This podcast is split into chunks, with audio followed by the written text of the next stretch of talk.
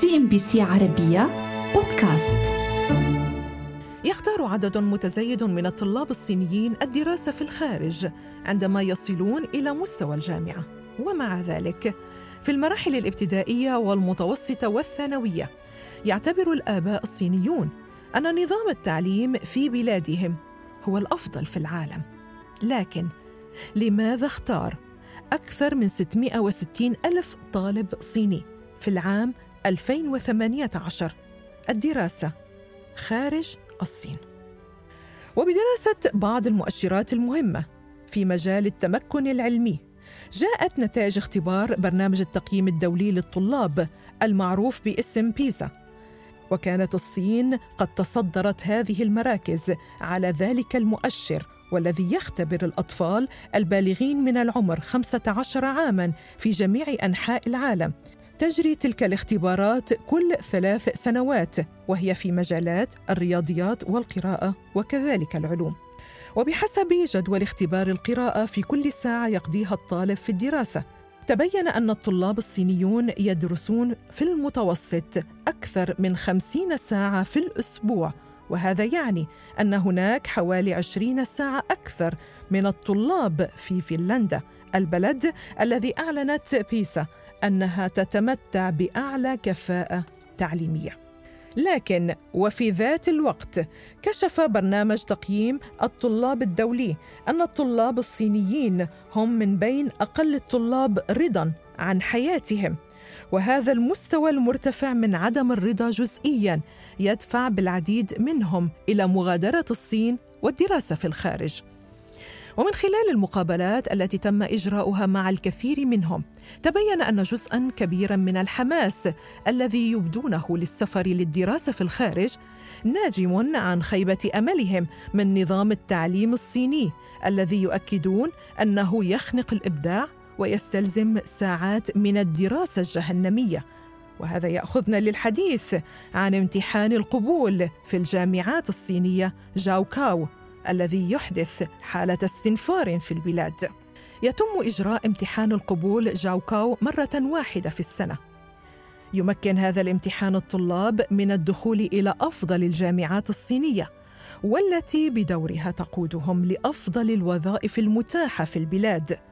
ونظرا لأن الفوارق بين الجامعات من حيث المستوى العلمي كبير جدا يوضع الطلاب تحت ضغط كبير في الأيام التي تسبق الامتحان وهذا الكلام ينطبق أيضا على بعض المعلمين في المدارس المتفوقة إذ يتعلق أمنهم الوظيفي بنتائج طلابهم إضافة إلى المكافآت المتوقعة. يستمر امتحان جاوكاو تسع ساعات وتقسم على يومين متتاليين والنتيجة هي من 750 ويعد الأكثر مراقبة في العالم من خلال تقنيات عالية جدا. إذ يخضع كل متقدم لفحص بصمة الوجه وتفتيش دقيق بواسطة أجهزة الكشف عن القطع الإلكترونية كما تمنع الدولة الموظفين من أخذ الإجازات في يوم الامتحانات. في يومي الامتحان يستنفر المجتمع الصيني برمته فمشاريع البناء تتوقف حتى لا تزعج الطلاب المقدمين على الاختبار. كما يمنع على سائقي السيارات استخدام منبهات سياراتهم وتنتشر سيارات الشرطة لضمان سلامة كل ما يخص حركة الطلاب ويعاد توجيه خطوط الطيران التي تمر فوق المناطق التي تخضع للامتحان. وكذلك يتم تغيير طرق الجنازات كي لا تمر في أماكن أداء الامتحانات. يتقدم للامتحان أعداد كبيرة كل عام قد تصل في بعض الأحيان لقرابة العشرة ملايين طالب. يقبل بشكل وسطي منها حوالي الثلث في الجامعات الصينية بحسب نتائج الاختبارات. يحرم الطالب الذي يقبض عليه وهو يغش من إعادة الامتحان من سنة إلى ثلاث سنوات كما أنه قد يواجه عقوبة السجن لمدة سبع سنوات. كل ما سبق قد يفسر رغبة الطلاب الصينيين الالتحاق بكلية ذات سمعة جيدة دون الخضوع للضغوط النفسية التي يمرون بها في بلادهم وهي التي تدفعهم للذهاب للدول المختلفة والتي على رأسها أمريكا حيث تعد الصين أكبر مصدر للطلاب الدوليين إلى الولايات المتحدة. لكن في العام الدراسي 2018 2019 ارتفع إجمالي التحاق الطلاب الصينيين في أمريكا بنسبة 1.7% وهي أبطأ زيادة سنوية على مدار العقد الماضي. وعلى المدى الطويل أشارت الدراسات أنه لا مفر من حدوث تباطؤ في عدد الطلاب الصينيين الذين يدرسون في الخارج. نظرا لانخفاض عدد السكان في سن الدراسة وتراجع الاقتصاد الصيني. في العام 2020 اقترب عدد الطلاب الصينيين المتواجدين في أمريكا من 380 ألف طالب. لكن في يونيو من عام 2021 منعت الولايات المتحدة الكثير من طلاب الدراسات العليا والباحثين الصينيين من الدراسة أو العمل في أمريكا. إذا كانت لديهم علاقات أو ينتمون لمؤسسات عسكرية أو حكومية معينة لكن تأشيرات الدراسة التي تم منحها لهذا العام كان نصفها لطلاب في تخصصات العلوم والتكنولوجيا والهندسة وكذلك الرياضيات.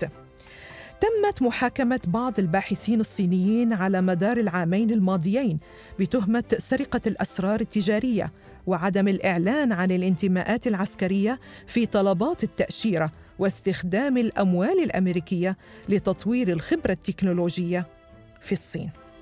في هذا الإطار وجهت الصين رسالة احتجاج على الطريقة التي يتم بها معاملة المسافرين الصينيين في منافذ الحدود الأمريكية وفي بيان للقنصلية العامة الصينية في لوس أنجلوس في شهر يوليو من العام 2021 نبهت القنصلية الطلاب إلى ضرورة الاهتمام بالمخاطر التي قد يواجهونها عند دخول أو مغادرة البلاد واتخاذ الاحتياطيات والاستجابة بشكل صحيح. ووفقا للقنصلية تم استجواب عدد من الطلاب الصينيين مرارا وتكرارا من قبل وكلاء الحدود في مطار لوس أنجلوس الدولي حول الغرض من دراستهم في أمريكا وأدائهم الأكاديمي السابق وأرباب عملهم السابقين وسجلاتهم التأديبية وما إذا كان لديهم بيانات مختبرية مسروقة. كما ذكر البيان أنه في بعض الحالات تم استجواب الطلاب الصينيين من قبل مسؤولي إنفاذ القانون الأمريكيين وصودرت أجهزتهم الإلكترونية الشخصية عند مغادرتهم البلاد. وبالعودة إلى الوراء تظهر البيانات أن توجه الشباب الصينيين لبلاد العم سام من أجل التعليم الأكاديمي العالي بدأ منذ السبعينيات من القرن الماضي. كما أنه في العقد الأول من القرن الحادي والعشرين فقط ارتفع عدد الطلاب من خمسين ألف إلى أكثر من ثلاثمائة وخمسين ألف مقارنة بالعقد الأخير من القرن العشرين. أرسل الآباء أبنائهم لدراسة المواد التي اعتقدوا أن أمريكا كانت مهيمنة فيها مثل الكمبيوتر الهندسة المالية علوم الاقتصاد. ومع عدم إغفال ما يعنيه ذلك من دلالات على المكانة الاجتماعية المترافقة بنيل شهادة من جامعة أمريكية مرموقة. وبعيدا عن المكانة الاجتماعية التي يوفرها التحصيل الأكاديمي الأجنبي. هناك أسباب تتعلق بأساس العملية التعليمية حيث يجد الكثير من الطلاب أن الدراسة في الخارج توفر لهم التحرر من نظام التعليم الصيني الموجه للاختبار. لكن لابد أن نذكر في هذا السياق أنه ومن المفارقات أن العديد من أهالي هؤلاء الطلبة نجحوا في هذا النظام ذاته الذي ينتقده أبناؤهم وحصلوا على وظائف مهنية مكنتهم من وضع أنفسهم في منظومة ما يعرف بالطبقة الوسطى. ومع ذلك يرغب الآباء الآن بتوفير بدائل لأولادهم وفرص تعليمية توفر تجربة أكثر شمولية لا تقيدها درجات الاختبار كتلك التي مروا بها هم أنفسهم. كما أنه من ضمن الأسباب التي تدفع الكثيرين لتجربة التعليم خارج ذلك البلد الآسيوي أنهم يجدون في التعليم الصيني مصدرا مشبعا بالقلق. والخوض في نظام تعليمي بديل هو أمر لا يخلو أيضا من القلق وحتى المتميزين الذين يغادرون للدراسة في أمريكا ليسوا في مأمن منه. بالنسبة للعديد من الطلاب الصينيين المتقدمين إلى الكليات الأمريكية تبدو لهم عملية القبول ذاتها غريبة الأطوار لأنها تتطلب امورا غير مألوفة بالنسبة لهم ومواد مختلفة تماما مثل البيانات الشخصية وخطابات التوصية إلى جانب الأنشطة التي ليست جزءا من النظام الصيني الموجه للاختبار. في المقابل لا يمنح نظام التعليم الصيني العديد من الفرص الثانية. يتم إجراء امتحان القبول في الجامعة مرة واحدة فقط في السنة. تحدد درجات الاختبار ما إذا كان الطلاب سيذهبون إلى الكلية وأين سيلتحقون بها وماذا سيدرسون في كثير من الأحيان. لكن الأمر يختلف في كثير من الدول التي يقبل عليها الصينيون والتي تمنح الطلبة فرصة ثانية لإثبات أنفسهم. وخلافا لما تم تبريره حول موضوع القلق المترافق مع اختبارات التعليم الصيني المكثفة فلا بد أن ذلك الشعور محصور داخل صفوف المدارس الصينية. حيث أفاد الكثير من الطلاب عن شعورهم بالقلق بشأن درجاتهم بمجرد بدئهم للدراسة في أمريكا. اذا ما هي الاختلافات الرئيسية بين منهج التعليم الصيني والأمريكي؟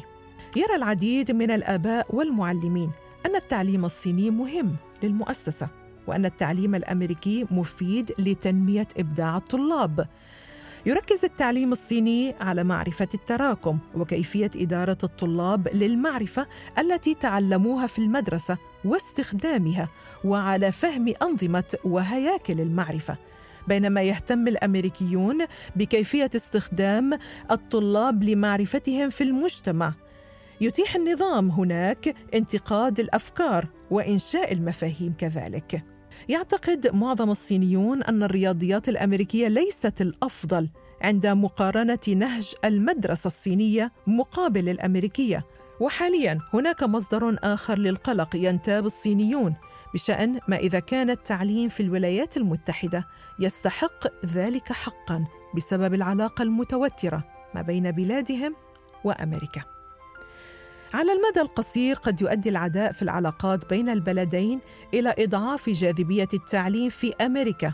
وبحسب البيانات سجلت بريطانيا زيادة بنسبة 30% في عدد المتقدمين الصينيين في العام 2019 مما يمثل تحديا للهيمنة العالمية لأمريكا في مجال التعليم العالي. اذا ما بين الوباء وتدهور العلاقات بين الولايات المتحدة والصين يتضاءل بريق التعليم الأمريكي في أكثر دول العالم سكانا بمقابل تزايد التفضيل لجامعات أخرى في القارة العجوز أوروبا. حيث يشعر الآباء بالفزع مما يرون أنه تصاعد في المشاعر المعادية لآسيا والصين تحديدا. حيث تشير وكالات التدريس أن العديد من العائلات الصينية تقوم بالفعل بتحويل أطفالها من المسار التعليمي الذي يعدهم لتقديم طلبات الالتحاق بالجامعات الأمريكية إلى المسار الذي يهيئهم لامتحانات جاو كاو الصارمة في الصين.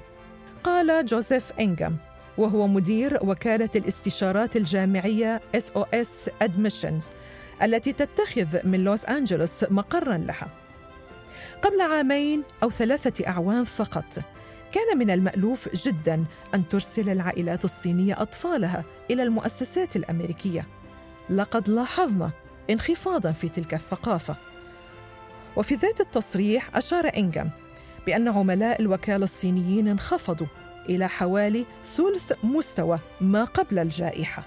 وذكر إنغام أن كل ما حدث في الآونة الأخيرة ذكر العائلات بأن الذهاب إلى الولايات المتحدة لا يأتي فقط بمزايا بل يأتي مع مخاطر.